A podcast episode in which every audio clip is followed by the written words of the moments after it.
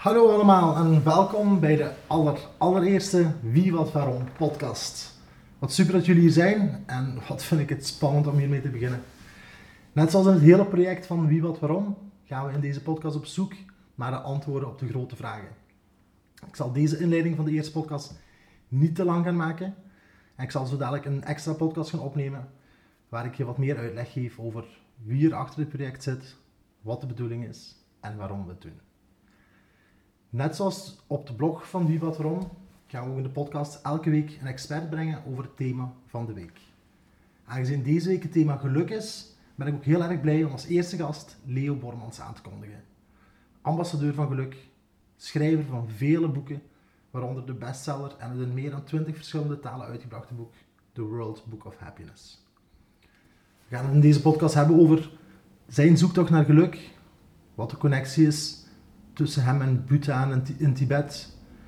Hij komt met een, een geweldig leuk verhaal over de bruine paters. We hebben het over verdriet en geluk. We hebben het over hoop, want ook daar heeft hij de boeken, het wereldboek van liefde, het wereldboek van hoop geschreven. We gaan het even, hij komt met een, een, een prachtig geheim over de achtergrond van zijn prachtige boek, de jeugdroman Recht op Geluk. We hebben het over de mensenrechten en natuurlijk over geluk. Ik wil me alvast even excuseren voor de slechte achtergrondgeluiden soms, want we hebben deze podcast al wandelend opgenomen. Het was ook een van de eerste interviews die ik ooit deed, dus ik heb hier geen enkele ervaring in. Ook voor het fine-tunen van het interview achteraf. Ik doe dit allemaal helemaal alleen. Dus soms zal er nog wat ruis op zitten. Soms zal, zult je horen dat ik, dat ik wat onwennig was. En er is zelfs een moment dat ik tijdens het interview even op mijn speakpagina moest piepen om een vraag terug te vinden. Dus mijn excuses voor de, de startersfoutjes wat erin zitten. Maar ik ben dan eigenlijk wel heel erg trots op het eindresultaat van deze eerste podcast. En het was een heerlijk gesprek waar ik meneer Bormans ook heel erg dankbaar voor ben. Voor de tijd die heeft willen vrijmaken voor dit gesprek. Ik hoop dat jullie er veel plezier in hebben. En hier komt het gesprek met Leo Bormans. Oké, let's go. Dus alvast heel erg bedankt om hier aan mee te willen werken. Als ik, ik ben natuurlijk heel wat over u gaan opzoeken en ik heb ook wat, wat, wat voorbereid. Aangezien het thema ook over, van het project geluk, of toch wel een heel groot thema in ons project geluk is, is er niemand beter om te interviewen, denk ik, als u zelf, ambassadeur van geluk, meneer Bormans. Als, als ik u dan, dan opzoek, vind ik ook schrijver, inspirator. U heeft een master in taal en wijsbegeerte. U was 20 jaar hoofdredacteur van onderwijsbladen, beter gezegd klasse. En dan het werk van de, voor de overheid, actief burgerschap, communicatie, positiviteit. En dan natuurlijk, ik denk dat het, het persgebeuren eigenlijk begonnen is met, met het boek. Het Wereldboek van Geluk, wat ook alle wereldleiders cadeau gekregen hebben, dit boek. En dan vond ik ook uw ontmoeting met de koning in Nederland op het einde van, van uw tour door Nederland. Van waar is dit bij u begonnen? Van waar, van waar de zoektocht naar geluk of van waar het idee om te starten met ik ga de wereld rond, ik ga dat aan, in 50 landen aan 100 mensen vragen wat zij denken wat geluk is. Ja, omdat ik er niks over wist. Ik wist helemaal niks over geluk. Uh, ik was er ook niet echt mee bezig met geluk. En dan, uh, ik dacht dat dat iets is van wolkjes en ondergaande zonnetjes en, en naïviteit en geluk. En dan ontdek je dat er professoren zijn wereldwijd die geluk onderzoeken. Die economen, sociologen, psychologen, antropologen. Ik wist daar niks van. En als ik erover begon te lezen en er met vrienden over sprak, zeggen ze: Ja, maar hoe komt dat wij daar niks over weten? Dat dat onderzoek zo onbekend is. En toen ik er meer mee ging verdiepen, kom ik bij zo'n professor in, in, in, in, uh, in Londen, in de Economic School of uh, Economics in Londen. En die, en die zegt zo van ja, you're a good translator of all the knowledge we have. Je kunt dat goed uitleggen, zo, je kunt dat goed samenvatten. Dus we have all the knowledge, you're the ambassador of happiness. Zeg, ja, vind ik wel een mooie titel, ambassador of happiness. Leek mij een mooie job, bestond niet. En dus uh, I'm traveling the world as ambassador of happiness. En nu sta ik dan op de ambassade van Bhutan en word ik voorgesteld als... He is the ambassador of China, he is the ambassador of, of, of India, he is the ambassador of happiness. Oh, nice to meet you. Happiness is a place. Ja, happiness is a place. Ja. En zo... Uh, zo en, en, en wanneer, is dat, sinds wanneer is dat eigenlijk precies begonnen? Ja, als een mens over zijn leven nadenkt, ik ben natuurlijk een oude man. Dat betekent dat ik uh, al heel veel jaren achter me heb. En elke mens zijn leven is een constructie. Hè. Ik kan nu natuurlijk zeggen, ah, dat is begonnen toen ik vier jaar oud was. Want ik kan wel wat verhalen bedenken die daarmee te maken hebben. Of ik kan zeggen, mijn hele loopbaan is eigenlijk een, een weg geweest van keuzes. Hè, die allemaal geleid hebben tot een succesrijk uh, boek of zoiets. Maar dat weet ik, dat is eigenlijk constructie. Dat is allemaal uitleg achteraf. Hè. Een mens wordt niet alleen bepaald door de keuzes die hij maakt, maar ook de keuzes die hij niet maakt. Ik heb nogal wat keuzes niet gemaakt in mijn leven. Ik ben bijvoorbeeld niet in de politiek gegaan, om maar iets te zeggen.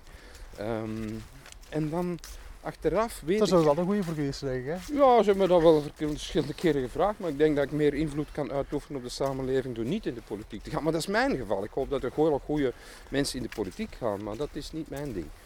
Dus uh, een mens wordt bepaald door de keuzes die hij maakt, de keuzes die hij niet maakt. En achteraf zie je natuurlijk wel een soort rode lijn. Maar is dat ook die rode lijn die er van bij het begin is? Heel veel hangt ook af van, ja, toeval bestaat niet, maar er is toch wel zoiets als uh, toevallige samenloop van omstandigheden die een beetje kan sturen. Ja. Dus ik ben wel wat bezig geweest met positieve opvoeding, positief onderwijs. Ik kwam net nog een leerling tegen van mij, een oud leerling van mij. Die zei, ja, meneer Palmer, uh, ja, ik, ik, had die al misschien 40 jaar dat ik die niet meer gezien had, maar ik wist nog waar hij zat in de klas. Ik wist het nog en hij wist het ook. En die jongens waar ik net mee in babbel was, die kenden nu ook allemaal. ja, okay. En die hadden ook al, alleen maar positieve dingen te vertellen. Ja. ja, dus ik heb een tijdje les gegeven, ik ben een tijdje journalistiek geweest, ik heb tijdschriften gemaakt, de overheid gewerkt. En dan kom ik in die hele wereld van positieve psychologie en denk ik, wauw. Uh, dat is iets waar ik misschien wel iets mee kan doen. En ik heb gewoon een, een toffe job. Ik had 35 collega's, leidinggevende. Iedereen zei dat ik gek was. Ik zeg gewoon, hier is ook een achterdeur aan. Ik ben weg. Ik ben niet door de achterdeur weggegaan, ik ben door de voordeur weggegaan. En je zegt, there is another world possible. En wat ik ga doen, weet ik niet, maar het zal iets internationaals zijn. En hier I am. toen was er eigenlijk nog, nog geen enkel concreet plan? Nee. Toen had ik een boek gemaakt, maar dat was nog niet echt het boek. En toen de uitgever mij vroeg, wil je geen boek over geluk maken? Zeg maar, ik weet helemaal niks over geluk. Ja, daarom vragen we het jou. En dus ben ik op zoek gegaan. Er staat, ik ben ook een van de enige auteurs, want die boeken zijn nu verschenen in twaalf talen, Japans, Russisch, weet ik veel. En altijd bellen die uitgevers uit de andere landen van, ja, maar er is iets fout met uw boek, want uw naam staat niet op dat boek. U bent de enige eh, schrijver waar de naam niet op dat boek staat. Ik zeg, maar mijn naam is totaal onbelangrijk. Het gaat over de World Book of Happiness. En mijn naam doet daar helemaal niet toe. En dus toen ik een boek ging schrijven over geluk, zei ik, ja, wil ik niet een boek schrijven over geluk. Dan wil ik het boek schrijven over geluk. The Book of Happiness. En ik, en ik google dat. En dat bestond niet. Er bestond niet iets als The Book of Happiness. Zeg, dream big. Maak het groter. En dan zoek ik The World Book of Happiness. Hoe, dat bestaat ook niet of wat?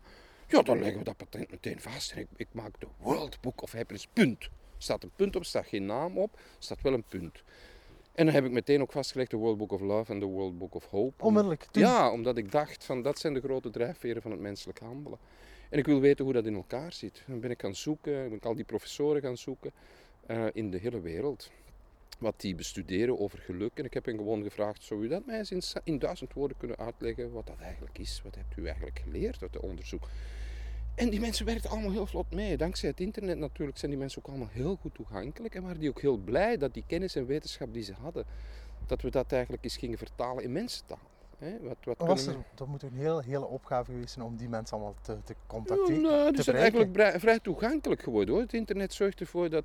Vroeger moesten je naar professoren via een secretariaat. En, en als ik, als ik dit, dit 50 jaar geleden had moeten maken, dan zou ik in de Vaticaanse bibliotheek en in, en in Leningrad uh, mij moeten onderduiken in alle bibliotheken van de wereld. Maar dat heb ik niet moeten doen. Ik heb gewoon. Die professoren zijn allemaal heel toegankelijk en heel blij dat ze dat eens kunnen uitleggen wat ze weten in duizend woorden. Ja. Dus dat is de kracht.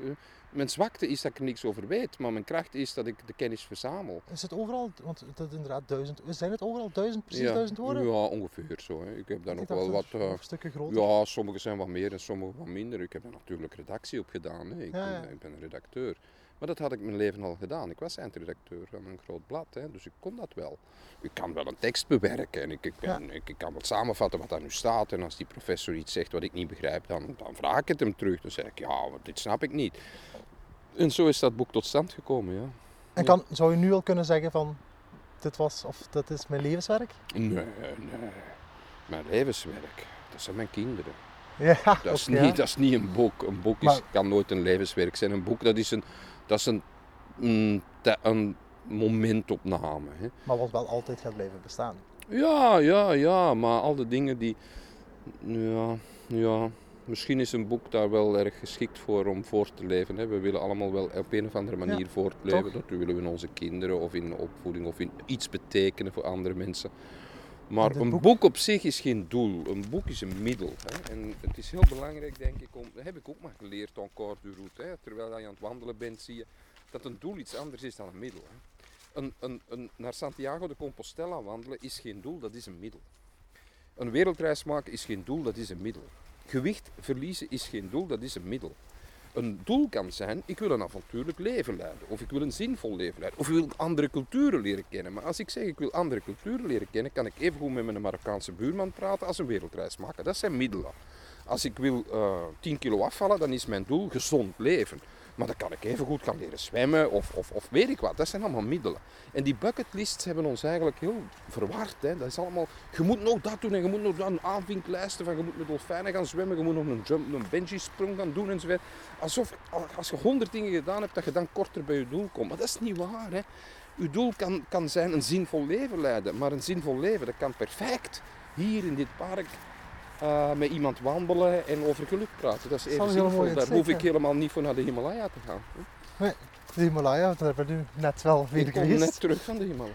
Want u heeft er wel een, spe- een, een speciale band met Bhutan geloof ik. hè? Bhutan, ja. Bhutan is, is, is, is een inspirerend land. Het is eh, nooit gekoloniseerd geweest. hè. Het is een heel zelfstandig land. Het is ook maar sinds 1974 toegankelijk voor toeristen. Heel nieuw, heel kort. En men maakt daar werk van bruto nationaal geluk. En dat intrigeerde mij. Dus ben ik naar Bhutan getrokken. Ik heb daar ook mensen van de regering ontmoet, ambassade enzovoort. Waar, waarvan ik denk van, wauw, dit kan ons wel iets leren. Ik heb de eerste minister ook ontmoet. En we zijn dan gaan nadenken over die 122 indicatoren van geluk. Die ondertussen door de Verenigde Naties zijn goedgekeurd. Dat is heel inspirerend om over na te denken. En, want het is een ontwikkelingsland. Maar een ontwikkelingsland waar mensen geleidelijk aan stap voor stap gelukkig worden, is iets anders dan dat je hier, eh, ja, dan dat, allemaal, dan dat er een, een topje rijke mensen heel snel rijk worden en de arme mensen arm blijven. Dus Bhutan is inspirerend. Is het een mooi land? Het is het mooiste land van de wereld. Hè. Absoluut. Ik ben nu met een groepje van 15 mensen geweest en dat waren allemaal mensen die al heel veel gereisd hadden, alle landen van de wereld gezien. En bij de evaluatie begon hun zin altijd, ja ik heb nu al bijna de hele wereld gezien, maar wat ik hier gezien heb de voorbije week, dat heb ik nog nooit ergens anders gezien. Harmonieus land, ja. Spiritueel?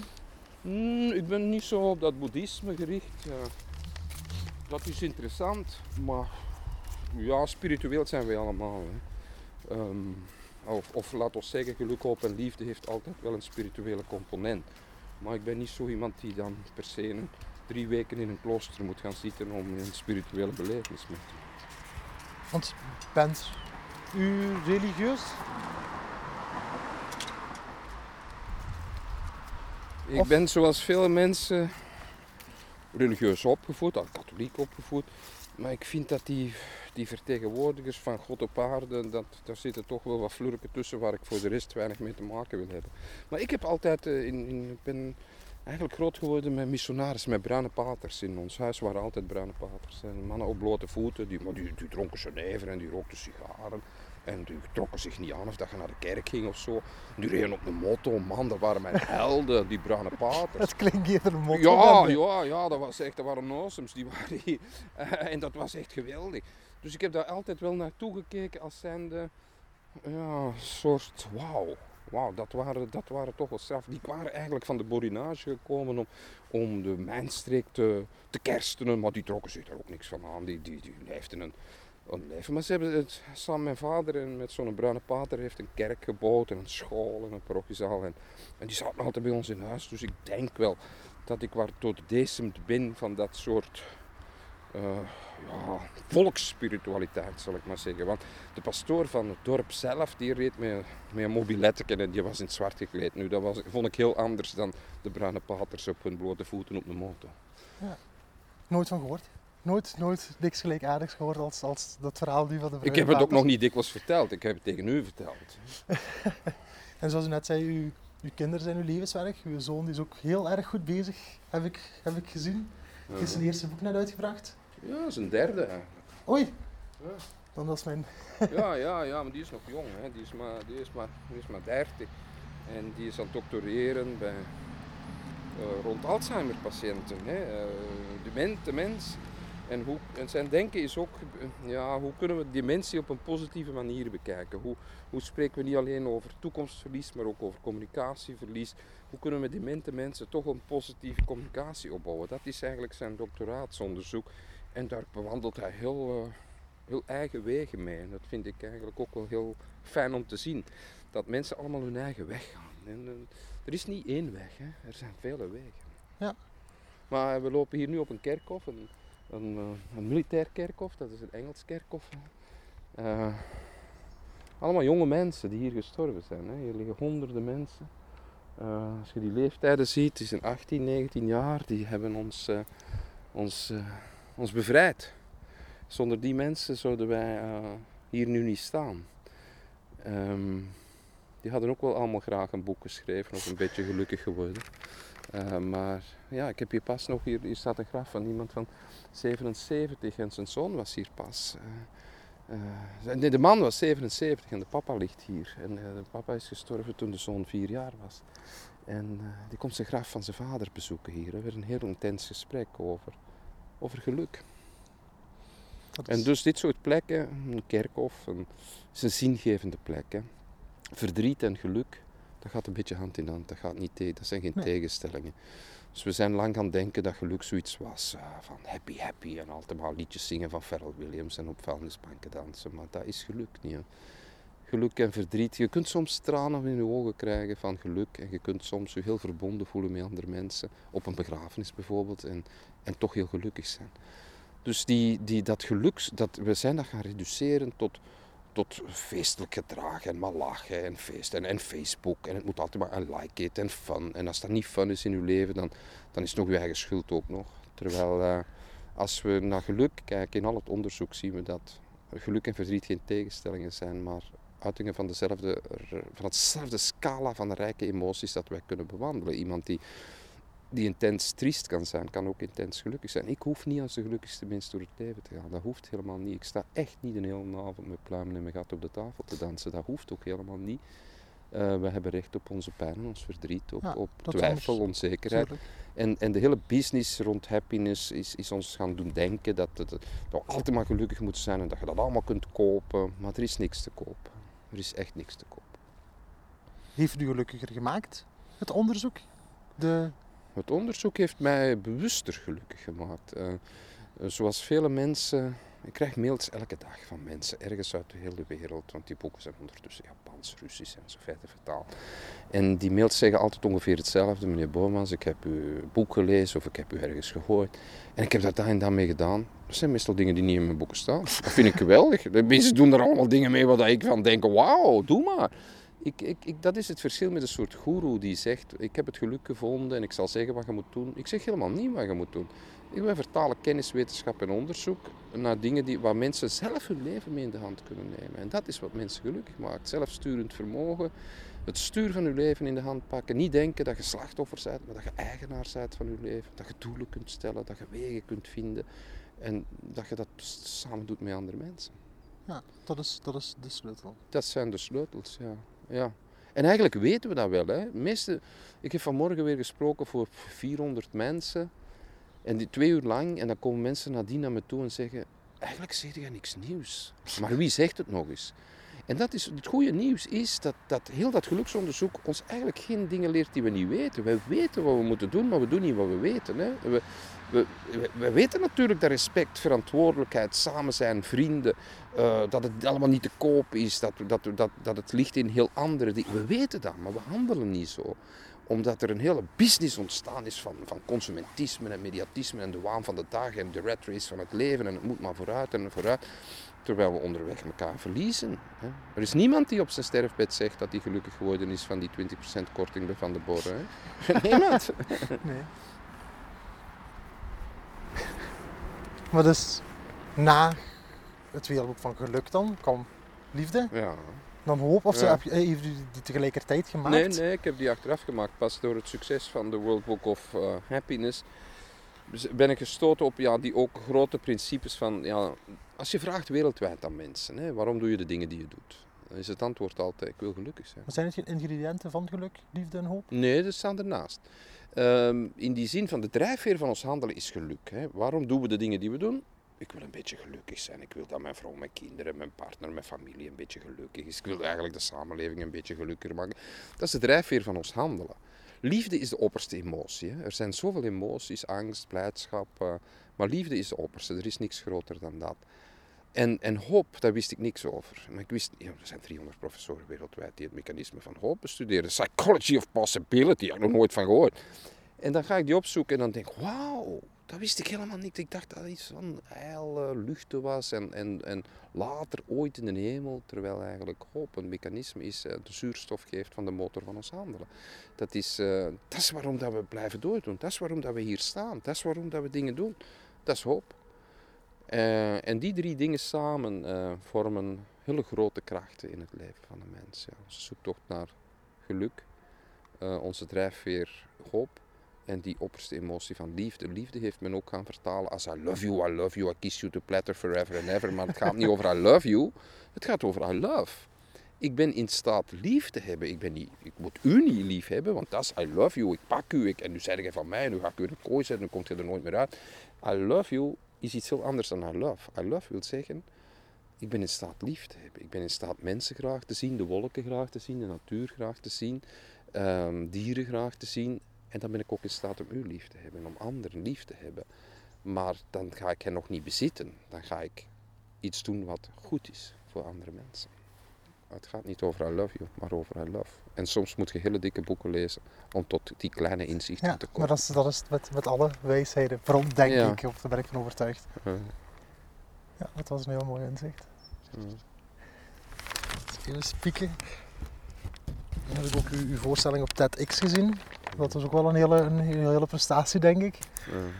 Was nog, ik was nog nooit zo bang, eh, zo zenuwachtig als op TEDx. Ik, ik zie zalen van duizenden mensen, maar bij TEDx was ik echt zenuwachtig. Omdat je dan maar een paar minuten hebt om echt alles te zeggen wat je te zeggen hebt. En je weet dat dat gefilmd wordt voor de hele wereld.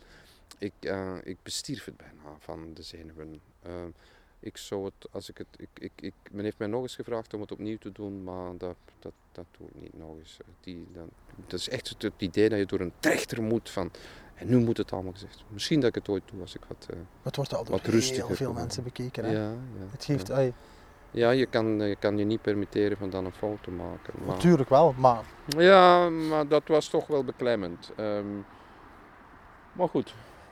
En dan nog iets wat ik, wat ik terugvond in, in heel leven, een beetje zeg maar, die, goh, om dat juist te verwoorden, mindere groepen is niet het juiste woord, maar ik kom wel terug dat u altijd zich inzetten voor probleemjongeren. eh u kom ook iets terug tegen van gevangenen, vluchtelingen. Mm. Van waar komt die, van waar komt, komt ja, van waar, van waar komt het? kwetsbare groepen. Hè. En je mag eigenlijk, als je met geluk bezig bent, zie je heel snel dat men zich bezighoudt met de happy few. Hè. Het gaat over geluk voor de middelklasse. Zo, hè. Van, en dan kunnen die mensen die allemaal boeken kunnen kopen en naar lezingen gaan en cursussen volgen. Maar voor de meeste mensen is dat echt niet weggelegd. Hè. En als je dan toch bezig bent met geluk, dan, dan gaat het ook over de kwetsbare groepen. Hè, eh, die evenveel recht hebben op geluk.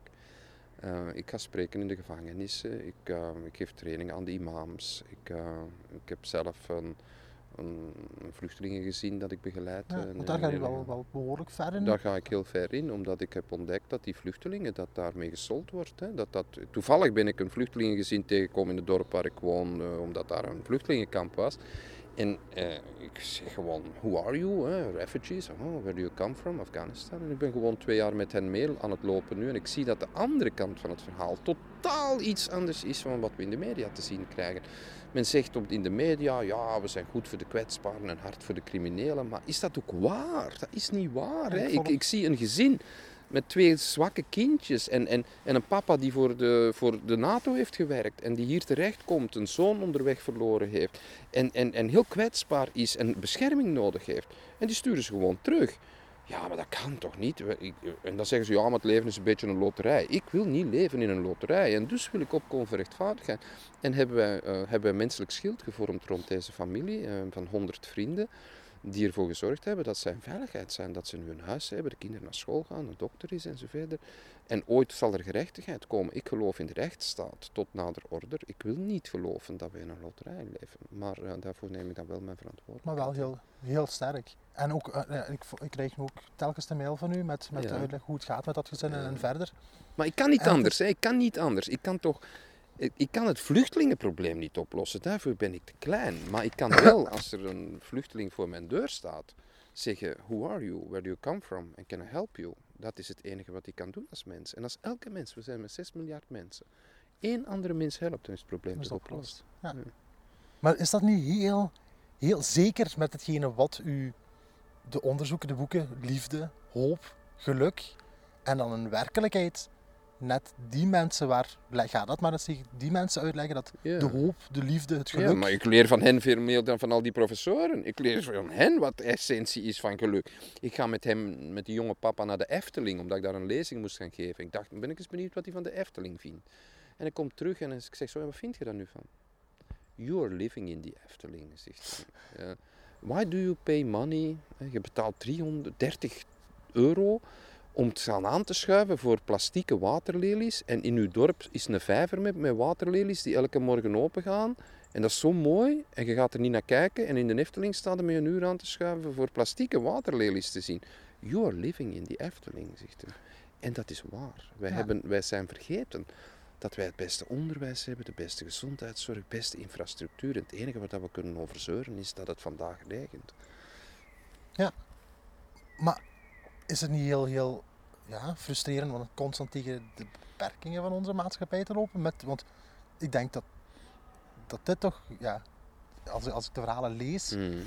Dan, dan is het de, de, de vrijheid toch vaker ver te zoeken. Ja, maar dan ontdek je dan- waar het echt op aankomt. Hè? Dan ontdek je dat wat, wat echt belangrijk is in het leven. Hè? In plaats van te zeuren over alles en nog wat, dan leven wij in, de, in een samenleving die goed onderwijs heeft, goede gezondheidszorg, eh, natuurvoorzieningen, noem maar op. Hè? Ik, ga, ik ga, vorige week ging ik met die jonge papa wandelen in een, in een bos en, en daar staan zo paaltjes. Hè? Eh, ik zeg, zullen we nu het blauwe pad volgen of het rode pad? En wat is het verschil, zegt hij. Ik zeg, ja, eh, dat is het blauwe pad of het rode pad. Dat is een keuze die we hebben. Waar komt dat uit. Ik zeg, ja, hier terug. Het komt hier terug uit. Wauw, Taliban would never think about that. Dus er is een pad door het bos dat nergens naartoe gaat, dat hier terugkomt. Wie heeft die paaltjes gezet? Ik zeg, ja, de overheid. Wauw, Taliban would never think about that. De overheid betaalt dus mensen die paaltjes zetten in een bos om langs de mooiste stukken van het bos te komen. Dat komt hier terug uit. Wauw. Geweldig, ja.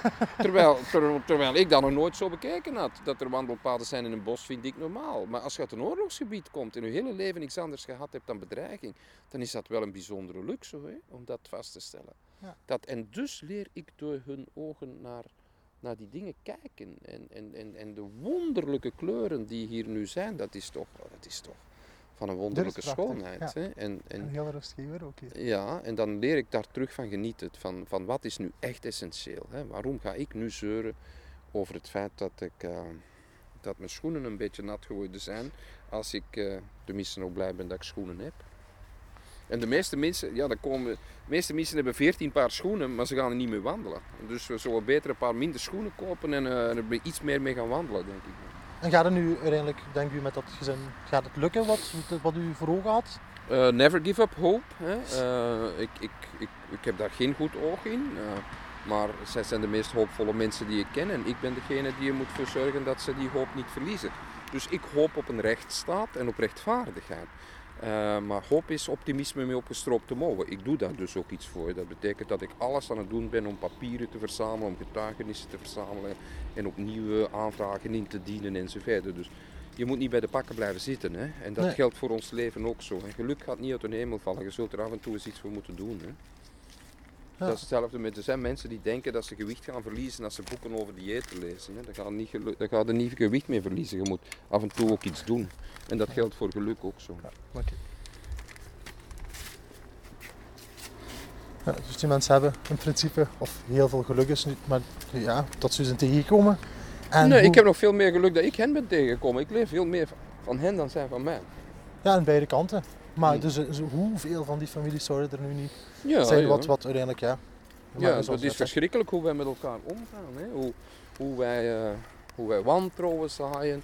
Terwijl net de grote kracht van de mens vertrouwen is. Hè. Vriendschap, relaties met mensen. Maar ik moet daar niet alleen boeken over schrijven, ik moet dat ook een beetje toepassen in mijn leven. Hè. Ja, dat, dat Anders, is, wel, een, anders is dat zinloos. Hè.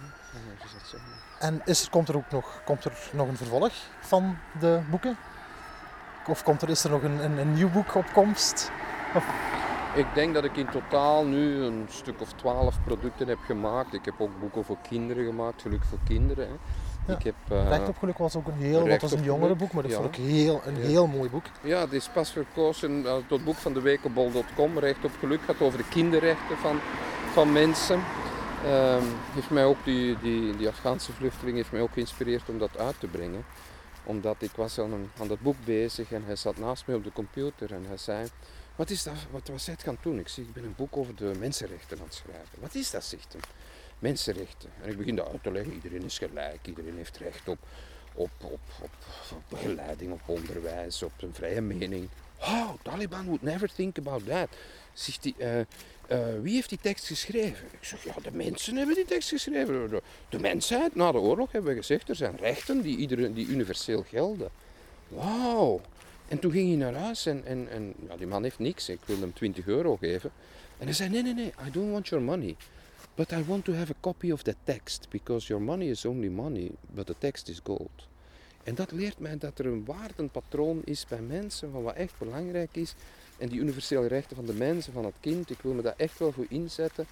En dat is ook wat die Afghaanse vluchteling wil doen. Als hij papieren heeft, wil hij een job vinden om die rechten van de mensen te verdedigen. Om, om ervoor te zorgen dat er bijvoorbeeld in ons land minder mensen zelfmoord plegen. Dat is zijn droom, om een job te hebben in de preventie van zelfmoord. Want hij zegt, ja, ik ken alleen van die zelfmoordterroristen in ons land.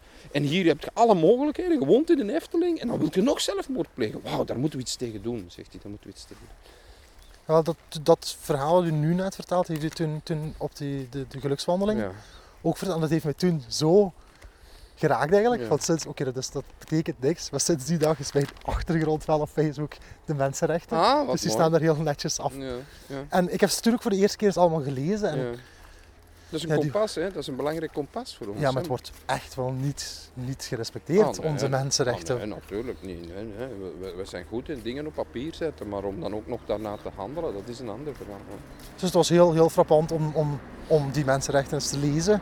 En dan te weten dat eigenlijk die heel vanzelfsprekende rechten, waar we, ja, waar we ooit allemaal overeengekomen zijn, van Mm. dit is toch wel de basisrechten van een mens. dat we die niet respecteren. En daarom heb ik zo'n boekje gemaakt, dat is een jeugdboek, hè, eh, Recht op Geluk. Maar dat gaat over, over een jong ventje dat eigenlijk eh, ontdekt dat er ook een wereld is waar die rechten niet eh, van toepassing zijn. En eigenlijk is dat het meest persoonlijke boek wat ik gemaakt heb. Recht op Geluk gaat over mij. Ik, dat gaat over een ventje dat voorop rijdt voor het circus hè, van zijn papa. Er is een circus op komst, maar je ziet dat circus eigenlijk niet. Je ziet alleen het ventje hè, die met een autootje voorop rijdt om te zeggen het circus komt. En eigenlijk ben ik dat. Ik, ik denk ook zo. Ik, ik droomde vroeger van een. Ik had vroeger thuis een circus. Toen ik tien jaar oud was, had ik een circus. En alle vriendjes van het dorp kwamen bij ons naar het circus. Er zat soms 30 man bij ons in de tuin. En ik was directeur, goochelaar. Ik was alles. Hè. En, en de kinderen kwamen naar dat circus. En ik was betoverd door.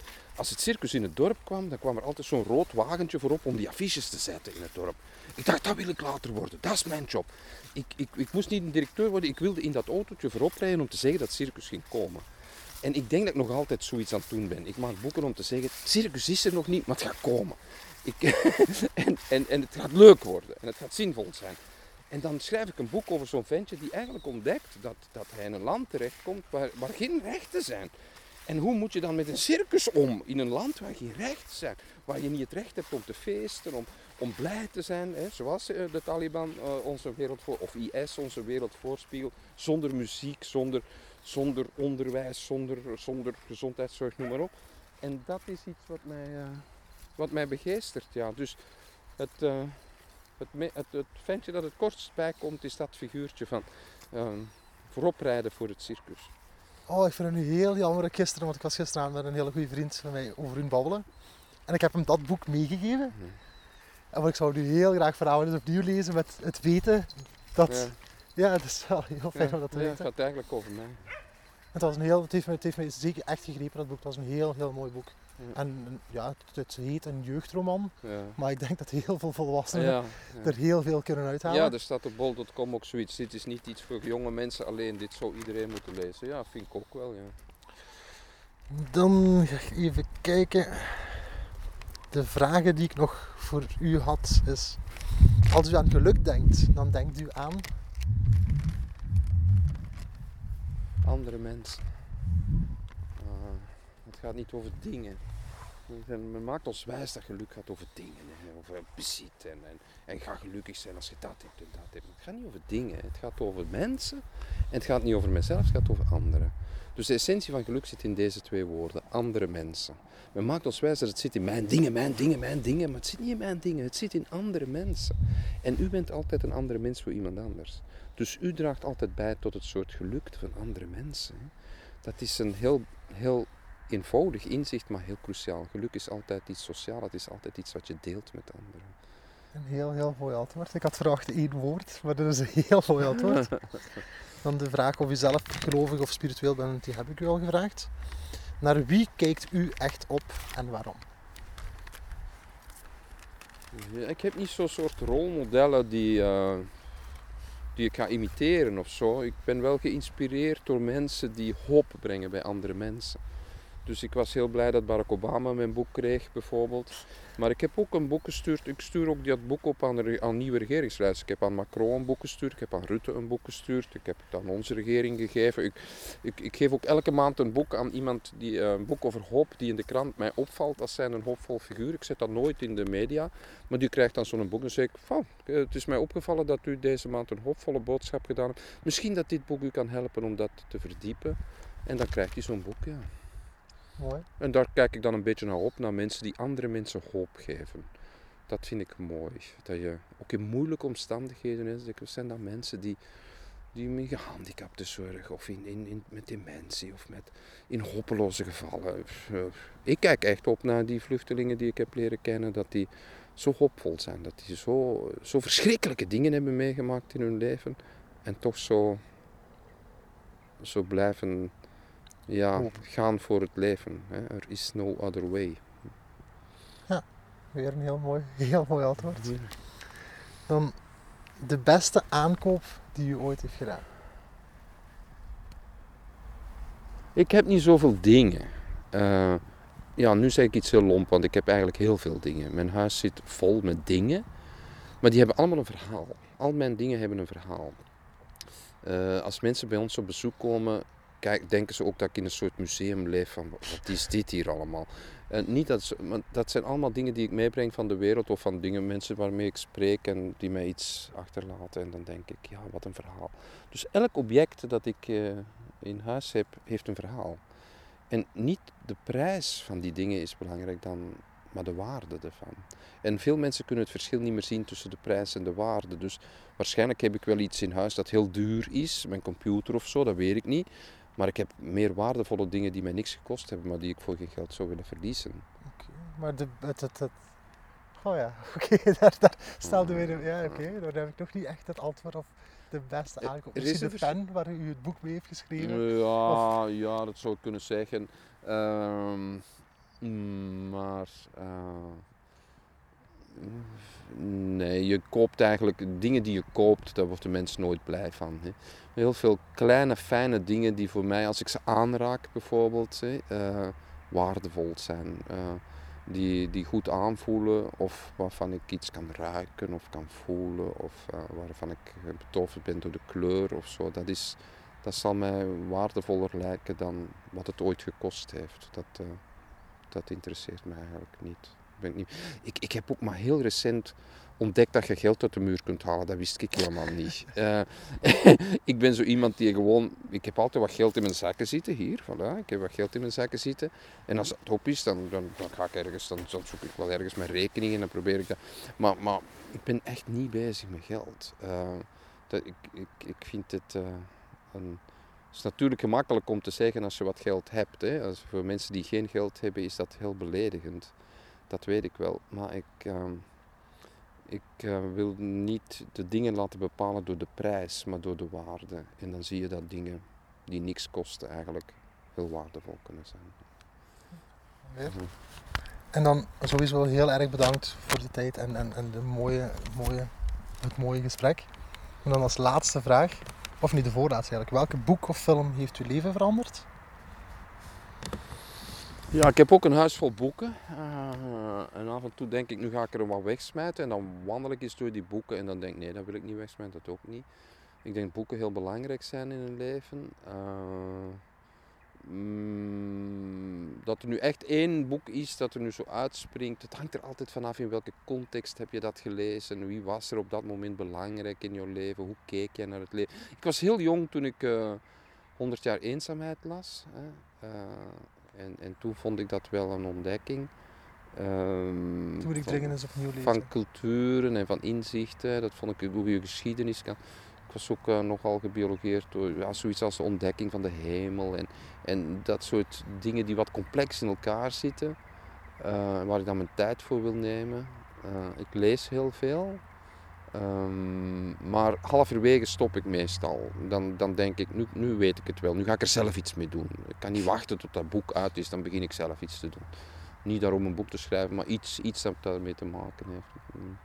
Dus als, zolang boeken dat met mij kunnen doen, dat ik ze halverwege wegleg en ze er zelf iets mee ga doen, dan zijn dat goede boeken. Ja. Ik wil niet wachten tot ik weet hoe het afloopt. Of misschien heb ik er gewoon geen, geen, geen, niet geduld voor. Op Maar geen ultieme all-time favorite. Of de, dat boek of heeft op dat moment, dat was een godsgeschenk. Pietje Puk. Pietje Puk was een, eh, waren zo boeken die ik las toen ik zes jaar, zeven jaar. Ik kon nog niet lezen. Ik kon lezen voor ik naar het eerste studiejaar ging. Omdat ik wilde lezen. En dan las ik die boeken van Pietje Puk. Nu, jij, jij bent veel te jong om dat te weten. aan- Maar... aan Jip en Janneke denken. Ja, zoiets. Maar het was nog het was onnozeler. Het was nog onnozeler. Maar was zo'n wereldje van een klein dorpje. En een postbode heette Pietje Puk. En die maakte altijd iets mee. Pietje Puk op reis. En dan ging Pietje Puk op reis. En Pietje Puk bij de bakker. En was Pietje Puk bij de bakker. Dus de titel had al verraden waar het boek over ging eigenlijk. Eh, maar het leerde mij dat ehm, woorden verhalen kunnen maken. En woorden niet alleen maar woorden zijn, vis, tafel, stoel, maar dat er een verhaal is. En eh, wat we nu in geluk zien is, de kracht van geluk zit dikwijls in verhalen. Wat is het verhaal achter een object? Wat is het verhaal achter een mens? En dat is boeiend. En, en dat woorden dat kunnen doen, words create worlds. Hè. Woorden creëren werelden. En als je dat kunt doen met een boek, een wereld creëren, of dat nu de World Book of Happiness is of Pietje Puk, dat maakt het niet. Hè. Als je met woorden werelden kan creëren, de grootste kracht van de mens is zijn verbeelding. Dat is het verschil tussen de Homo sapiens en de Neandertaler. Waarom heeft de Neandertaler de strijd verloren tegen de Homo sapiens? De Neandertaler was sterker dan de Homo sapiens. Dus normaal gezien zou de Neandertaler gewonnen hebben, want die hebben samen geleefd. Hè. Maar de Neandertaler heeft verloren, omdat de Neandertaler was sterker. Maar hij miste één kracht die de Homo sapiens wel heeft. En dat is de kracht van verbeelding. Verbeelding. Als ik u hier nu zeg dat er achter uw rug twaalf olifanten aan het rolschaatsen zijn, dan weet je dat dat niet waar is, maar je kunt het u wel inbeelden. Dat kon de. Neandertaler niet. De Neandertaler kon dat niet. Maar de Homo sapiens kon dat. Die kon zich inbeelden dat er een situatie was die er nog niet was, maar zou kunnen zijn. En vanaf dat moment heeft hij werelden gecreëerd, fantastische werelden die er niet zijn. En hij kon op dat moment ook grote groepen mobiliseren die niet waren. De Neandertaler zag een vijand en sloeg daarmee een knots op. Maar de Homo sapiens kon zich eh, groepen voorstellen die hij niet kende, maar die hij toch kon bereiken en met elkaar verbinden. En dat is de kracht van de mens. De kracht van de mens is zijn verbeelding, zijn fantasie. En werelden zijn woorden creëren werelden. Hè. En als je dat ziet, dan zeg je: wauw, wauw, wauw. Uh, hoe geweldig is die uitvinding van taal. Dus het gaat er mij niet zozeer om welk boek dat is, dan wel de taal. En ja, wauw. voor het En de antwoord. verbeelding. En de verbeelding. Laat ons die maar aanwakkeren bij mensen. De grootste kracht van. Laat ons vooral met jonge mensen denken. Eh, fantasie. Hè? Zeggen tegen veel jonge mensen: ja, maar dat is niet waar, dat komt niet uit, dat is niet. Hè, dat, dat is, je droomt te groot en ga eens met je voeten op de werkelijkheid staan. Leer ze maar muziek, poëzie, filosofie, cultuur, film. Eh, laat die gekkigheid maar los. Hè. Als we met kinderen werken rond geluk voor kinderen, dan zien we dat die eigenlijk allemaal die tien pijlers van geluk van de London School of Economics, binnen de tien minuten hebben die kinderen dat. En als ik dat met volwassenen doe, dan duurt dat twee uur, eer dat die die gevonden hebben. Kinderen hebben dat. We weten heel goed wat we moeten doen om gelukkig te zijn. Hè. We willen dat spelen belangrijk is, dat verbeelding belangrijk is, dat vrienden belangrijk zijn. Dat het leuker is om een cadeautje te geven dan te krijgen, dat weten die kinderen allemaal. En dan gaan we ze opvoeden en dan komen ze in een wereld terecht waar dat ze nadien allemaal duur betaalde cursussen moeten volgen om, om terug te leren wat we als kind eigenlijk wel wisten. Hoe belangrijk bijvoorbeeld vriendschap is. Ja, mooi. Heel mooi. En waar? Dat, dat komt, komt onmiddellijk binnen. Dan, Ondertussen staan we hier op zo'n plein van een 300, waar we een 360 graden kunnen maken van pure schoonheid, van de kleuren van, van bomen. En dan is er een kerk. Ja. Dus Het lijkt een kasteelachtig topje Ja, ja. dat er bovenuit hebt. ja. En om dit mooie gesprek te eindigen, u heeft, en laten we hopen dat dat nog heel lang mag duren, maar u heeft nog één minuut te leven ja, en u mag de wereldbevolking toespreken. ja. Wat, wat, is, wat zijn die laatste woorden die minuut? Ziet dat je andere mensen heel graag ziet. Zorg ervoor dat je andere mensen heel graag ziet. Dat is het allerbelangrijkste. En dat is zo. Daar mag het mee gedaan zijn. Ja. Dat vind ik wel goed genoeg om ermee te eindigen. Ah, ik dacht echt dat nu die, de 30 seconden speech ging komen. nee, laat ons die speechen maar houden als we veel tijd hebben. Als we maar een minuut meer hebben, dan gaat het echt over het allerbelangrijkste dat de mensen kunnen doen, is elkaar graag zien. Super. Heel veel bedankt. En bedankt voor dit interview. Zo, dat was de eerste podcast, het eerste gesprek. En ik hoop dat jullie er echt van genoten hebben. Ik, vond, ik hoop dat jullie het aangenaam vonden om naar te luisteren. Ik hoop dat jullie niet te veel gestoord hebben aan, aan de achtergrondgeluidjes soms. Vond je het een, een leuk gesprek? Deel het vooral op Facebook. Geef ons een likeje. Eh, was er iets wat u stoort of hetzelfde, stuur mij een mailtje. eh, reageer hieronder. En dan hoop ik jullie heel snel terug te zien voor de podcast van volgende week. Ook omdat Facebook niet alles aan iedereen laat zien. Wilt je op de hoogte blijven van welke podcast en onze laatste berichten? Schrijf je dan zeker in op onze nieuwsbrief. En start ook nog met onze happy cursus die nu nog gratis is. En dan zie ik u volgende week terug.